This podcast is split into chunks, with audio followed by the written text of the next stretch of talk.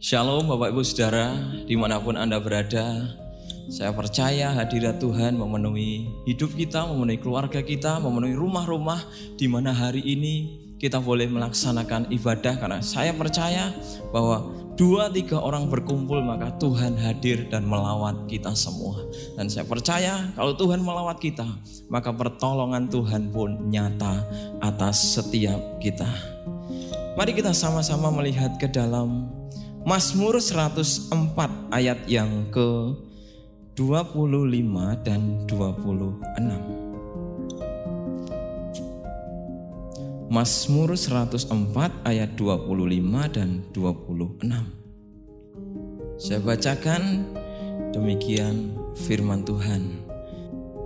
Lihatlah laut itu, besar dan luas wilayahnya. Di situ bergerak tidak terbilang banyaknya. Binatang-binatang yang kecil dan besar. Di situ kapal-kapal berlayar dan lewiatan yang telah kau bentuk untuk bermain dengannya. Nah kekasih Tuhan Mazmur 104 ini berbicara tentang bagaimana pemeliharaan Tuhan, kebesaran Tuhan atas segala ciptaannya. Dan Mazmur ini menggambarkan bagaimana pemazmur ingin memuji kebesaran karena Tuhan sudah pelihara hidupnya. Tuhan sudah lakukan segala sesuatu yang terbaik bagi hidupnya. Oleh karena itu Tuhan bersuka cita, Tuhan bergirang di segala kondisi dalam kehidupan sang pemazmur ini saudara. Nah saya beri judul khotbah ini adalah tetap tema besarnya adalah Ebenezer ya dan saya beri judulnya adalah Zaman Now, saudara. Zaman Now artinya zaman neng omah wai, ya seperti himbauan pemerintah. Bagaimana kita tetap ada di rumah, ya sekalipun kita terpisah ya, saudara ibadah di rumah, kami ada di sini, tapi kita tetap menjadi pribadi-pribadi yang dituntun Tuhan dan mengalami lawatan Tuhan sehingga hidup kita dapat mengatasi badai yang terjadi dan bahkan kita mengalami pertolongan-pertolongan Tuhan yang dahsyat dan ajaib dan ketika badai berlalu kita menjadi pribadi yang kuat dan teguh berkualitas di dalam Tuhan. Nah, kapal atau bahtera adalah gambaran ilustrasi kehidupan manusia. Kita ini adalah kapal, ada bahtera di dalam keluarga, ada bahtera di dalam pelayan, ada bahtera dalam segala bidang kehidupan. Nah, bahtera ini adalah gambaran dari hidup kita atau komunitas kita yang sedang ada di dalam hidup kita. Nah, dikatakan bahwa bahtera atau kapal ini sedang berlayar. Dan ayat 26 dikatakan lewiatan yang telah kau bentuk untuk bermain dengannya. Nah, lewiatan ini apa Saudara? Lewiatan ini adalah gambaran Alkitab makhluk air, sejenis air. Ada yang bilang ini mitos. Tapi di dalam firman Tuhan ini bukan sekedar mitos. Makhluk ini ada ya. Memang awalnya makhluk ini disebut makhluk purba. Tetapi lewiatan di dalam Alkitab adalah sejenis makhluk yang besar. Bisa dikatakan ada yang berbicara tentang naga dan lain sebagainya. Alkitab mendeskripsikannya sebagai binatang yang menakutkan dan memiliki keganasan. Binatang ini berkuasa saudara di atas lautan. Jadi bisa menimbulkan gelombang badai yang ganas sewaktu kapal itu lewat melintasi lautan. Kekasih Tuhan, kita perhatikan kata lewiatan ini dari kata bengkok atau membengkokkan atau menyesatkan. Lewiatan ini sesuatu yang kalau itu makhluk yang artinya secara mungkin ini di dalam Mazmur ini kan sebuah pujian. Jadi untuk memahami Mazmur itu adalah kita harus memahami dengan cara bentuk kitab puisi saudara. Di situ ada gambaran bahwa Lewiatan ini membengkokkan atau menyesatkan saudara. Bisa membuat haluan kapal yang harusnya lurus sampai dengan tujuan dibelokkan. Nah, ada gelombang besar yang menakutkan yang sehingga membawa kapal-kapal ini tidak sampai pada tujuan dan akhirnya pecah di tengah laut. Sudah kita lihat, pernah lihat banyak kapal ya, bahkan kapal yang besar yang diciptakan katanya nggak akan hancur, akhirnya hancur, saudara. Diterpa gelombang ganas dan juga menghantam karang. Nah, kekasih Tuhan, Tuhan ingin hidup kita mengerti apa pun yang terjadi, COVID-19 atau virus corona boleh makin merajalela. Tapi semua itu saya katakan ada dalam pemeliharaan dan rencana Tuhan. Katakan amin. Kalau kita tahu Tuhan yang memelihara, Tuhan yang tolong kita, maka kita nggak perlu khawatir saudara. Karena setiap rencana Tuhan akhirnya pasti indah. Akhirnya pasti dahsyat bagi mereka yang setia dan percaya kepada firman-Nya. Maka dikatakan di dalam firman Tuhan, kapal-kapal itu bermain dengan lewiatan. Kata bermain di sini dari kata syakak, saudara, yang artinya bukan hanya bermain saja, artinya memang bermain, tapi juga dikatakan bertanding atau sedang mengadakan satu pertandingan sport, bertertawa, artinya juga bersuka cita, rejoice atau menikmati sesuatu yang sedang ada hari itu. Ingat saudaraku, apa pun keadaan kita, Tuhan ingin hidup kita berkenan di hadapan Tuhan. Amin. Kalau Tuhan ingin berkenan di hadapan Tuhan, Tuhan ingin kita berkenan di hadapannya, maka Tuhan akan selalu bersuka cita atas hidup kita anak-anaknya yang mau menuruti firman-Nya sehingga pada waktu kondisi yang seperti ini yang makin tak menentu saudara belum ada ujungnya kapan akan berakhir ya pemerintah terus harus kita doakan belum tahu juga mereka kapan akhirnya hanya memperkirakan prediksi-prediksi dan bangsa-bangsa yang canggih teknologinya pun hari ini tidak dapat diandalkan semua orang kalang kabut Corona bahkan menyerang sampai ke pemimpin-pemimpin dunia, saudara. Maka seperti kita kapal-kapalnya Tuhan, mari tetap jangan takut. Kita tenang, Tuhan sanggup tolong kita. Beri senyum terbaik kanan kiri kita. Katakan sama-sama di depan saudara atau samping kanan kiri saudara, ada Ebenezer di dalammu yang sanggup menolong engkau kapan pun. Kekasih Tuhan, Nah, bagaimana saudara kita dapat menyikapi badai yang sedang terjadi hari-hari ini? Gelombang yang ganas yang tidak tahu kapan ujungnya berakhir. Yang pertama, mari kita saudara, waktu ini semuanya terjadi dan pemerintah ingin kita di rumah. Bapak ibu saudara yang ada di rumah, terpisah dengan kami sudah satu bulan ini tidak ibadah di rumah Percayalah saudara kita boleh nggak ketemu, tapi tidak ada satupun yang bisa memisahkan kita dari kasih Yesus Tuhan kita. Amin. Dan satu hal lagi kami pun yang ada di sini hamba Tuhan dan staf penggembalaan dan juga penatua juga rindu dengan saudara. Dan mari kerinduan kita kita bawa sama-sama di hadapan Tuhan. Yang pertama bagaimana kita menyikapi badai ini dengan di rumah saja ya boleh keluar saudara, tapi yang penting saja sifatnya. Yang pertama adalah mari kita segera untuk mencari tempat perlindungan. Apa sih perlindungan saudara?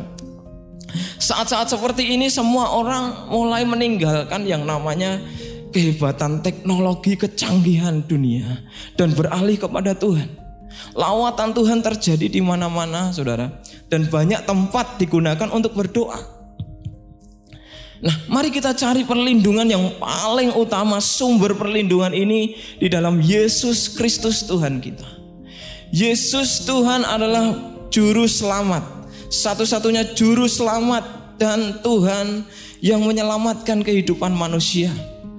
Kekasih Tuhan, banyak orang yang bingung menempatkan keselamatan.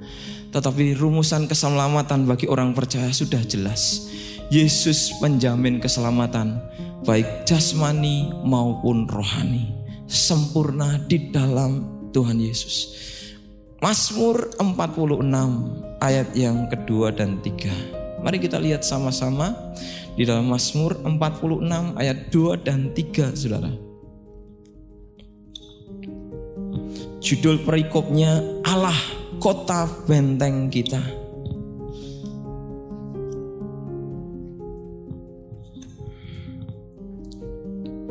Allah itu bagi kita tempat perlindungan dan kekuatan. Sebagai penolong dalam kesesakan sangat terbukti.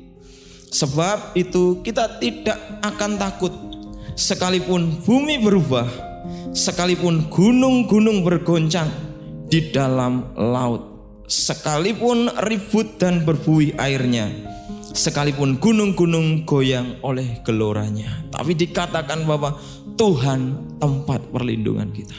Jadikan Yesus tempat perlindungan. Saudara yang hari ini belum sungguh-sungguh percaya Yesus.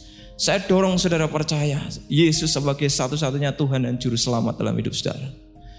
Karena keselamatan kekal tidak diberikan melalui nama dan pribadi siapa pun kecuali Yesus Kristus. Haleluya. Namun saudara, waktu kita percaya kepada Tuhan, sering kali dalam hidup kita juga diwarnai ketakutan dan ketir-ketir, betul bukan? Karena waktu kita menyandarkan kepercayaan kita, kita juga harus yang namanya punya perlindungan-perlindungan yang lain untuk menolong tubuh jasmani kita agar tetap sehat, keluarga-keluarga kita sehat, terhindar dari virus ini, dan hidup kita makin dipakai dan diberkati Tuhan. Maka tempat perlindungan yang lain juga, saudara, gunakan masker waktu keluar ya. Kemudian gunakan masker di mana saja lebih aman, saudara. Kemudian cuci tangan dengan sabun air yang mengalir ya. Kemudian terapkan segala sesuatu yang dihimbau pemerintah. Bapak Gembala sering menghimbau kita juga ya. Cari perlindungan keselamatan. Bersandar kepada Tuhan, percaya Yesus sebagai satu sumber keselamatan. Betul harus itu yang pertama. Tetapi ada juga alat perlindungan diri yang harus kita terapkan waktu menghadapi bencana ini. Nah, suatu kali saudara saya mau ketemu Mas Luther ya. Tapi karena tiba-tiba tanpa janjian ya di tempat kerjanya Mas Luther. Mas Luther tidak ada di tempat. Tapi saya waktu dalam perjalanan saya melihat satu mobil milik BUMN. Mobil ini ada tulisannya saudara. Tulisannya safety is my life. Safety is my life. Keselamatan adalah hidupku. Keselamatan adalah gaya hidupku. Nah, kalau saudara juga di tempat-tempat pekerjaan, itu pasti ada tulisannya juga safety first. Keselamatan adalah yang pertama. Tadi keselamatan pertama adalah percaya kepada Yesus, penjamin hidup sekarang dan kekekalan, ya. Tetapi mari kita biasakan dengan kehidupan yang namanya dalam keselamatan. Amin saudara. Kehidupan dalam keselamatan tadi disampaikan ya, hidup bersih, hidup sehat, pola-pola yang baik sehingga keselamatan hidup kita makin baik terjaga. Nah kekasih Tuhan, suatu kali ya di di abad keempat awal abad keempat saudara ada seorang yang namanya Flavius Konstantin atau Konstantinus. Yang hari itu awalnya dia seorang panglima kerajaan Romawi. Dan kemudian karena kekaisaran Romawi kemudian pergantian kekaisaran dan kerajaan itu pecah. Dan Konstantin ya ini jadi kaisar tapi di salah satu bagian pecahan dari Romawi itu. Dia hari itu belum kenal Yesus. Romawi Ya kerajaan Romawi waktu itu menganiaya anak-anak Tuhan saudara. Dan gereja hanya bisa berdoa, berdoa, berdoa cari Tuhan, cari perlindungan. Itu badai luar biasa bagi anak-anak Tuhan. Kalau bagi orang-orang kafir mungkin itu bukan badai. Tapi bagi anak-anak Tuhan itu hari itu badai yang mengerikan. Sebab barang siapa ketahuan Kristen dia dianiaya, bahkan dibunuh saudara. Mereka berdoa cari Tuhan. Nah Konstantin ini suatu kali dihadapkan peperangan yang besar. Dia cukup ketakutan dan khawatir gimana aku bisa mengalahkan ya musuhku. Kemudian suatu kali Konstantin bermimpi di dalam mimpi dia berjumpa dengan satu pribadi Yesus Kristus yang membawa lambang salib. Nah kemudian Konstantin bangun dalam kebingungan dia tanya anak buahnya adakah di antara kamu yang kenal dengan Yesus? Tapi mereka tidak berani jawab karena tahu Konstantin ini nggak kenal Tuhan dan hidupnya ya memang dia baik saudara. Tapi orang yang nggak kenal Tuhan ya menganiaya anak-anak Tuhan. Dan kemudian gereja terus berdoa, anak-anak Tuhan terus berdoa ya. Dan suatu kali saudara, Konstantin kemudian mengalami perjumpaan dengan Tuhan lagi. dan dia melihat satu tanda salibnya dan di dalam perjumpaan itu dia bercerita bahwa kalau kamu gunakan tanda salib itu ada suara yang berkata gunakan tanda salib ini kamu akan menang di mana pun kamu bertempur. Akhirnya Konstantin buat tanda salib ya. Dia kemudian seluruh pasukannya kasih tanda salib ya perisai-perisainya, panji-panjinya dan dia bertempur. Akhirnya Konstantin menang dan menyatukan seluruh kerajaan Romawi, Saudara. Nah, kerajaan Romawi bersatu dan Konstantin terima Yesus sebagai Tuhan apa yang terjadi hari itu penganiayaan-penganiayaan terhadap anak Tuhan dihentikan. Karena Konstantin sudah ikut Tuhan, percaya Yesus, mujizat terjadi. Seluruh Roma, kekristenan mulai berkembang dengan dahsyat dan akhirnya kaisar selanjutnya menetapkan bahwa kekristenan adalah kepercayaan seluruh penduduk Romawi. Dan ini momentum revival besar di abad keempat saudaraku. Maka ada mujizat di tengah-tengah saudara mencari perlindungan. Amin. Kalau Tuhan sudah pakai Konstantin di zaman dulu. Membawa kehidupan Kristen berkembang luar biasa. Di tempat di mana saudara ada. Kalau nama Yesus saudara tinggikan dan agungkan. Bukan hanya mujizat terjadi. Tapi akan ada keselamatan yang terjadi di tengah-tengah kehidupan saudara. Akan ada banyak orang yang percaya kepada Tuhan. Nah kekasih Tuhan. Yang kedua, bagaimana kita menyikapi saat badai krisis ini terjadi? Mari kita ya yang pertama tadi segera cari tempat perlindungan. Dan kita yang kedua, mari kita kuatkan hati kita saat menghadapi badai. Ada anak Tuhan berkata, saya sudah cari perlindungan pak. Oh amin. Tapi kok masih ketir-ketir ya. Saya sudah cuci tangan pak sehari 50 kali ya. Bahkan saya mandi ini lebih dari lima kali ya. Ke mana-mana ya keramas pulang saudara ya. Tapi masih ketakutan juga. Masih parno saudara. Ya. Tetapi selain kita cari perlindungan, mari kita belajar menguatkan hati. Karena ketakutan ini kalau kita tidak menguatkan hati maka ketakutan kita akan terus ada di dalam hidup kita, menghantui hidup kita. Nah, waktu kapal itu di tengah laut saudara menghadapi badai dan tidak bisa dihindari. Ini badai yang tidak bisa dihindari seluruh dunia saudara. Ya, awalnya katanya Israel nol aman, tapi juga kena juga saudara. Semua bisa menjaga tetapi korban berjatuhan di mana-mana. Kuatkan hati kita sekalipun Tuhan belum jawab doa-doa kita Saudara. Kuncinya kuatkan hati. Bukan Tuhan tidak jawab. Tuhan pasti jawab tepat pada waktunya. Amin. Tapi mari kita kuatkan hati nunggu waktunya Tuhan menyatakan kemuliaannya dan badai ini berlalu dan kita ngalami berkat Tuhan.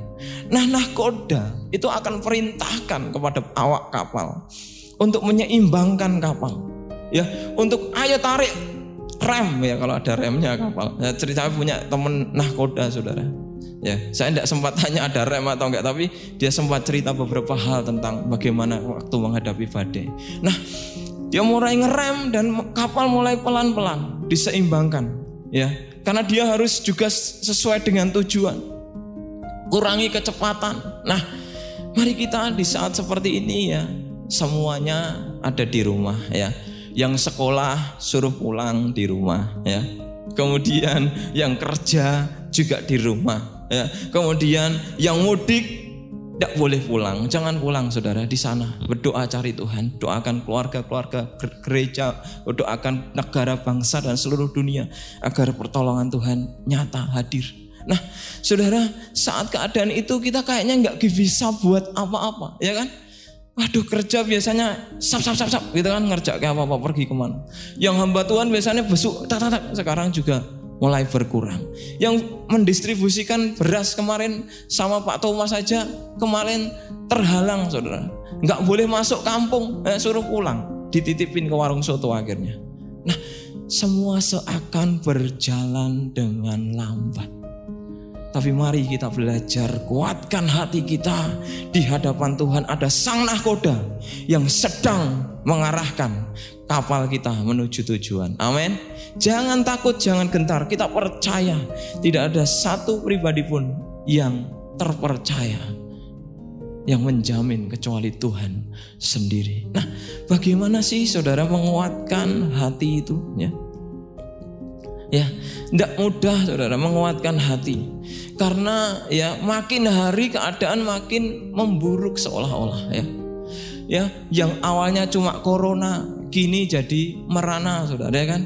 Yang dirumahkan PHK mungkin saudara pendapatan berkurang ya. Mungkin tidak dapat pendapatan lagi tidak ada sama sekali. Banyak yang mengeluh saya kok salah satu warung ibu-ibu berkata gimana bu lah gimana nggak menurun hari ini saya beli telur 275 satu kotak besok tiba-tiba harganya jadi 225. Nah saya harus jual gimana?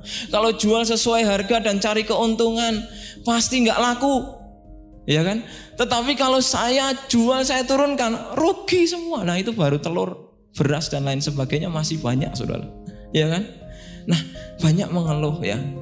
Ya ojol-ojol mengeluh saudara teman-teman yang di luar pulau ya yang bekerja ya kerjaannya bisnis juga mengeluh saudara. Mari kita kuatkan hati kita ya. Menguatkan hati artinya tidak takut, artinya bukan karena kita hebat saudara.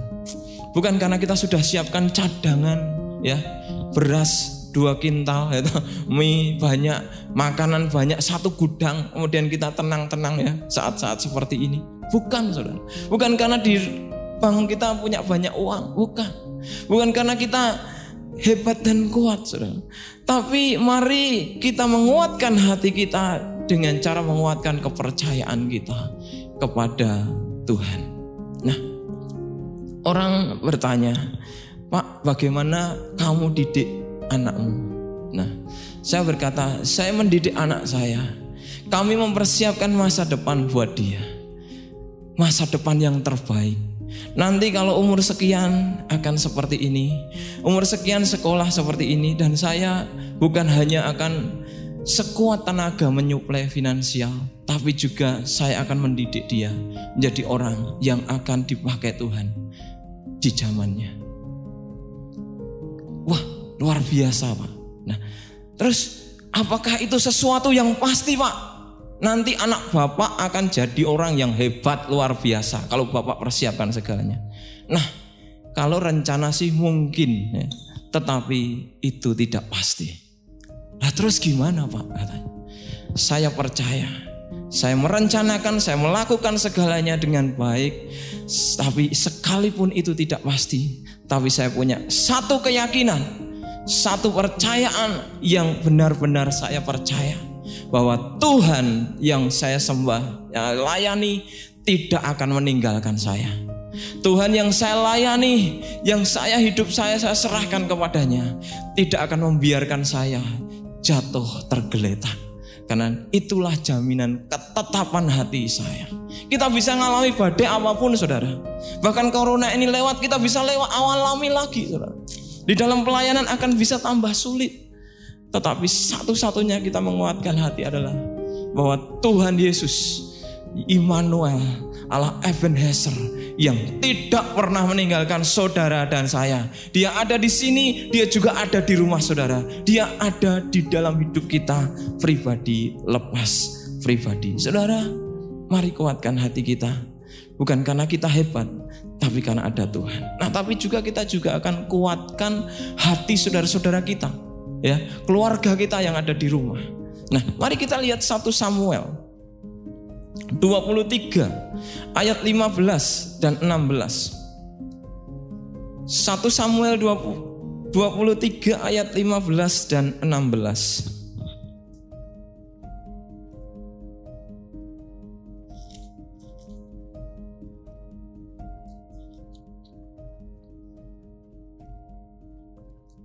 Firman Tuhan berkata, Daud takut karena Saul telah keluar dengan maksud mencabut nyawanya. Ketika Daud ada di padang gurun Sif di Koresa, maka bersiaplah Yonatan anak Saul lalu pergi kepada Daud di Koresa. Ia menguatkan kepercayaan Daud kepada Allah dan berkata kepadanya, "Janganlah takut, sebab tangan ayahku Saul tidak akan menangkap engkau. Engkau akan menjadi raja atas Israel dan aku akan menjadi orang kedua di bawahmu. Juga ayahku Saul telah mengetahui yang demikian itu. Saudara, saatnya bagi kita selain menguatkan hati, kita kuatkan juga saudara-saudara seperti Yonatan. Dia menguatkan Daud yang ketakutan. Yonatan menguatkan apa saudara? Kepercayaan Daud kepada Tuhan. Karena Daud berkata, tinggal sejengkal lagi nyawaku melayang. Tapi Yonatan, orang yang rendah hati dia menghibur Daud. Dia menguatkan Daud di saat kepanikan seperti ini saudara. Butuh anak-anak Tuhan yang menyenangkan hati Tuhan. Bukan tambah keluhan, bukan tambah sungut-sungutnya, tapi justru kuatkan yang lain. Amin saudara. Saya percaya roh kudus pimpin kita untuk menjadi pribadi-pribadi yang menguatkan hati banyak orang sehingga terjadi keselamatan di mana-mana. Yang ketiga, mari kita tutup semua pintu akses dosa. Nah, teman saya berkata, gimana sih? Saya tanya, gimana sih caranya waktu gelombang itu udah tinggi, badai itu mengamuk, dan apa yang harus dilakukan. Ya dalam safety dia katakan kita harus tutup semua pintu, tutup semua jendela, tutup semua lubang-lubang yang ada di kapal dan juga yang namanya menguras air kalau air itu sudah masuk ke geladak. Dan kemudian tutup semua akses yang di mana air bisa masuk. Mari di saat seperti ini kita tutup akses dosa.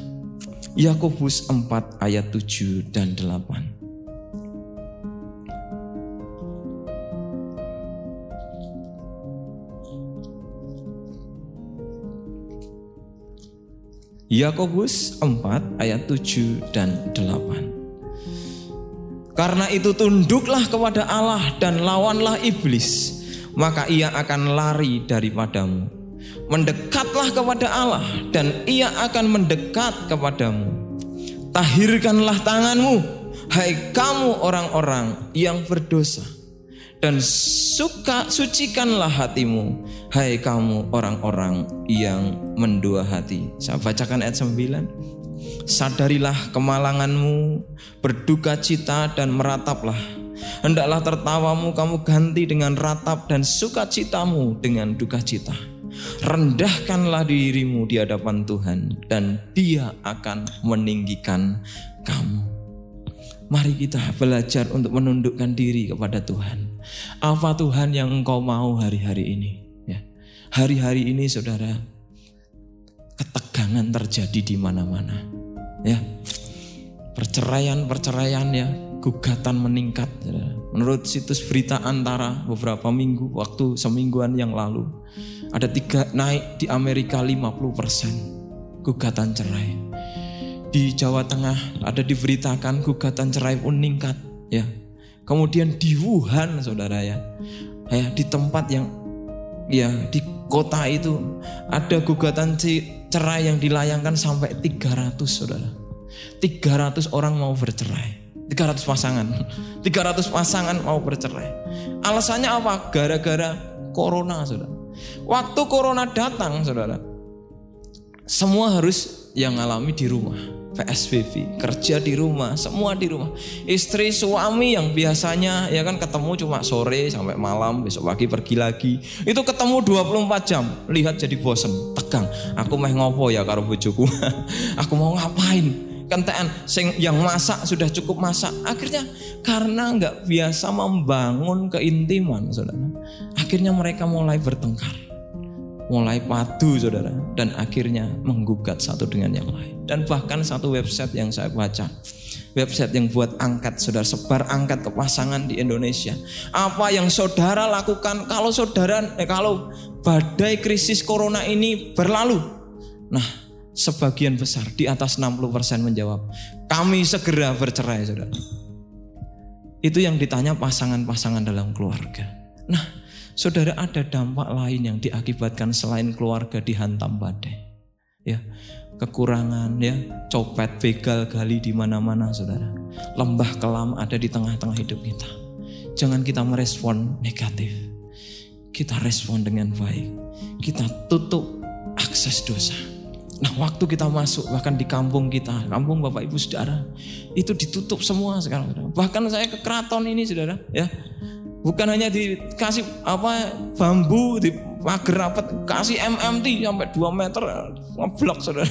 Luar biasa perlindungan dan penjagaan. Memang harus dilakukan untuk jaga keluar masuk ya, akses. Nah, mari kita belajar ya, melihat keadaan di sekitar kita, menunjukkan Tuhan ingin kita jaga diri kita tutup celah-celah terhadap virus yang namanya dosa. Virus corona merajalela membunuh jasmani manusia. Tapi virus dosa tidak ada obatnya. Kecuali percaya Yesus dan melakukan firman-Nya. Amin. Nah ini yang lebih mengerikan daripada corona saudara. Ini lebih mengerikan daripada virus corona. Kita jaga agar corona tidak berkembang kita perangi bersama-sama. Tapi mari kita juga perangi virus dosa dengan menutup akses terhadap pintu-pintu dosa. Sabar, saudara. Belajar sabar ketika ada ketegangan yang mudah marah, kendalikan, kontrol emosi ya. Tuhan ingin kita belajar kendalikan diri ya. Kemudian yang Biasanya wah ada juga orang yang bilang aku kini raknya ini anak buahku ya orang marem pak katanya. Wah ini luar biasa sekali.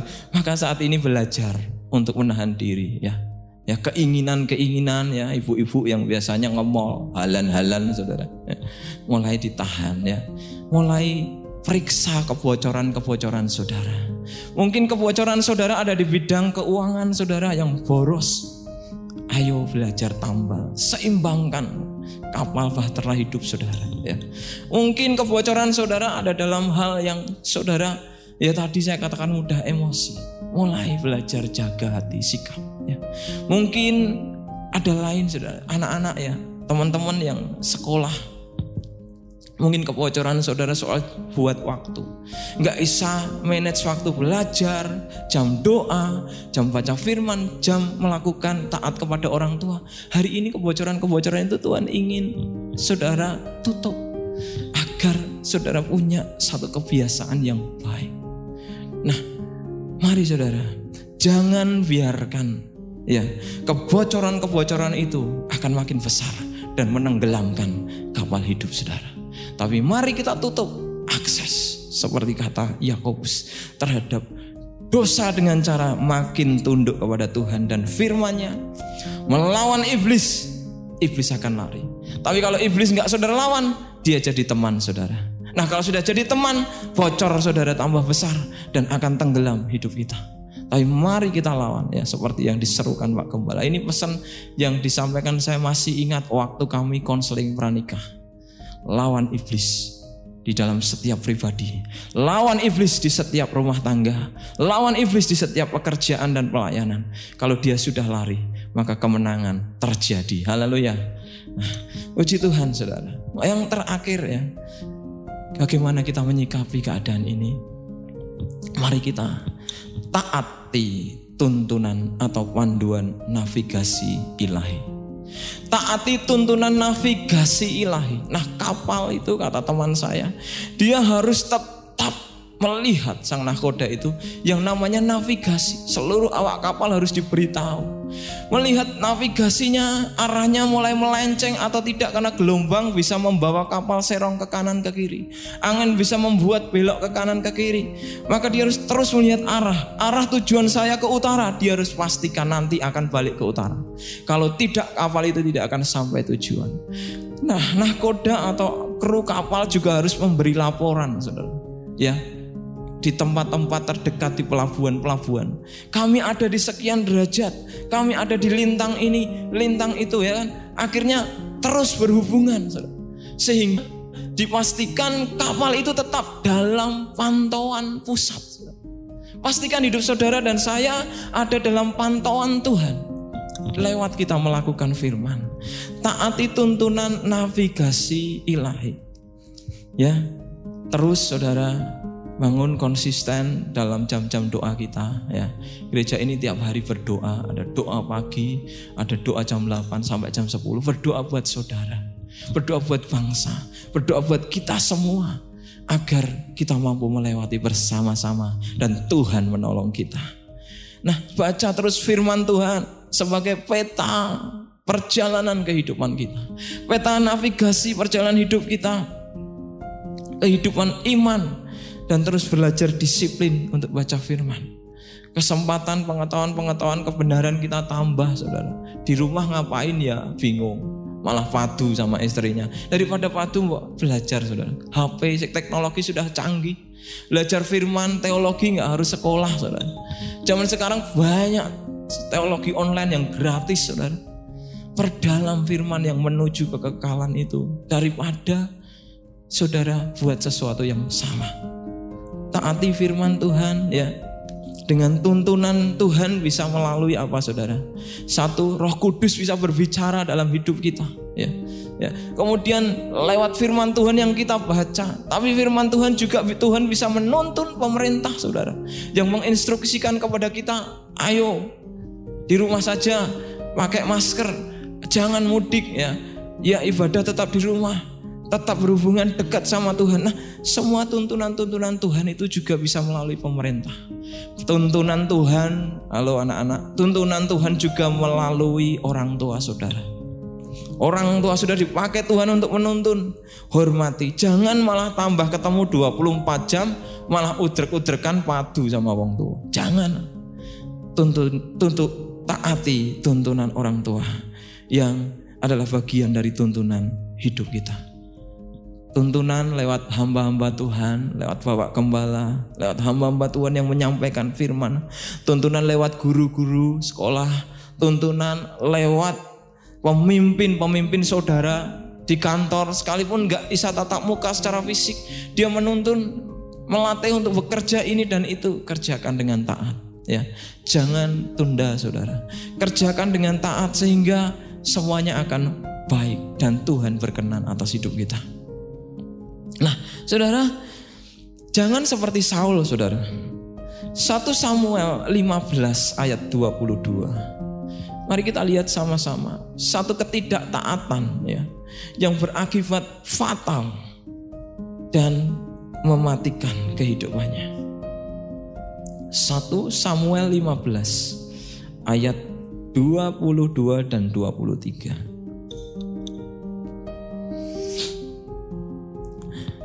Tetapi jawab Samuel, Apakah Tuhan itu berkenan kepada korban dan korban sembelihan? Sama seperti kepada mendengarkan suara Tuhan. Sesungguhnya mendengarkan lebih baik daripada korban sembelihan. Memperhatikan lebih baik daripada lemak domba-domba jantan. Sebab pendurhakaan adalah sama seperti dosa bertenung dan kedegilan adalah sama seperti menyembah berhala dan terafim. Karena engkau telah menolak firman Tuhan, maka ia telah menolak engkau sebagai raja. Nah, penolakan ini ya saudara direspon oleh Saul dengan cara yang salah. Tidak dia bertobat dan memperbaiki hidupnya. Tidak dia bertobat dan melakukan yang benar di hadapan Tuhan tetapi dia justru makin melenceng. Saudara ketaatan 50%, 99% pun itu juga dikatakan sama juga tidak taat. Dikatakan kesetiaan itu penting dalam hidup kita. Percaya Yesus tapi saudara tidak setia kepada Tuhan. Habis saudara. Percaya Yesus tapi nggak pernah taat lakukan firman Tuhan. Percuma saudara. Mari kita taat apa pun keadaan. Mungkin Anda dihantam sakit hari ini. Dan Tuhan belum sembuhkan saudara, tetaplah taat. Karena masa depan kita bukan ditentukan hari ini. Masa depan kita ditentukan setelah kita mati. Apakah Tuhan terima kita atau tidak? Tetap setia, lakukan firman Tuhan. Saul gagal saudara. Dan hidupnya berakhir dengan bunuh diri karena dia hanya taat setengah, taat seperempat, taat 75 persen. Ya, kalahkan Amalek, tumpah semuanya. Dia kalahkan Amalek, tetapi dia pilih korban yang baik. Dia pilih domba-domba dan harta-harta yang baik. Dia juga tidak membunuh Agak. Kemudian Agak dibunuh oleh Samuel. Saudara kalau mau taat itu sepenuhnya. Apa yang Tuhan mau. maka kita nggak akan digerogoti oleh ketakutan. Orang-orang yang kuat saya lihat, orang-orang yang yakin banget bahwa Tuhan tolong dia, karena dia juga melakukan firman Tuhan dengan taat dan setia. Tidak ada satupun orang, saudara, yang berkenan kepada Tuhan kalau dia mengabaikan ketaatan kepada firman Tuhan. Nah, mari kita hidup makin taat ya. Domanuto saudara ya atau wali kota Solo. Domanuto ya, manut anjuran pemerintah ya. Manuto terlebih manuto firman Tuhan yang berbicara setiap hari. Mungkin bisa firman Tuhan hari ini, bisa yang saudara baca, yang saudara dengar di radio, lihat di YouTube. Domanuto ya. Jangan punya spirit of the ngeyel saudara. Spirit ngeyel. Ketaatan itu sulit karena tidak otomatis ada dalam hidup kita. Saya tanya anak saya, apa saja saudara, sejak dia bisa ngomong, ya, dia selalu berkata, tidak. Tak tanyain lagi, maaf ya le, tidak. Mandi ya le, tidak. Semuanya tidak, saudara. Bahkan saya kata, kamu pakai celana? Tidak. Jawabannya tidak, saudara. Dan pakai. Saudara, ketika kita lahir, kita kita nggak beri diberi default kekuatan yang namanya ketaatan, hanya diberi sebuah potensi dalam diri kita untuk kita bisa latih tunduk di dalam ketaatan. Nggak mudah. Ketaatan bukan otomatis. Ketaatan harus diperjuangkan segenap hati. Karena tidak ada satupun yang menjamin siapa pun kita sebelum kita mengakhiri garis akhir di hadapan Tuhan dikatakan taat dan setia. Semua yang sudah mengakhiri hidup kesetiaan di hadapan Tuhan dengan garis akhir yang baik, dikatakan dia taat dan setia. Maka ketaatan satu hal yang sulit. Saya menyadari ini sulit. Saya sering kali mudah ya terpancing saudara. Tapi mari kita belajar lagi. Amin. Bangkit lagi agar Tuhan kita yang memelihara semesta sedang melihat menonton kita dalam sebuah gelanggang menghadapi badai ini berkenan di hadapan Tuhan. Percaya perlindungan pertolongan Tuhan ada bagi orang-orang yang taat dan setia. Amin. Karena di balik ketaatan ada berkat besar menanti hidup kita. Mari hari-hari ini saudara yang digerakkan berdoa yang biasa nggak doa. Tengah malam kok dibangunin Tuhan toh Pak. Ya itu suruh berdoa mulai berdoa dan latih dengan setia. Hari-hari ini yang disuruh mengampuni, ampuni saudara. Hari-hari ini yang disuruh untuk menahan emosi kontrol, lakukan setia di hadapan Tuhan. Maka kita akan terima berkat-berkat besar yang menanti hidup kita. Corona akan berlalu. Kita percaya Tuhan sanggup buka jalan. Amin. Di rumah-rumah saudara sekalipun Anda dirumahkan. Penghasilan berkurang. Mungkin Anda sedang sakit. Jamahan Tuhan nyata. Di mana ada ketaatan. Maka ada mujizat terjadi dalam kehidupan saudara. Tetap menyandarkan kepada Allah yang Ebenezer. Pertolongannya sempurna. Dulu terbukti, sekarang terbukti dan yang akan datang akan dibuktikan Tuhan untuk setiap hidup kita. Kiranya Tuhan memberkati kita semua.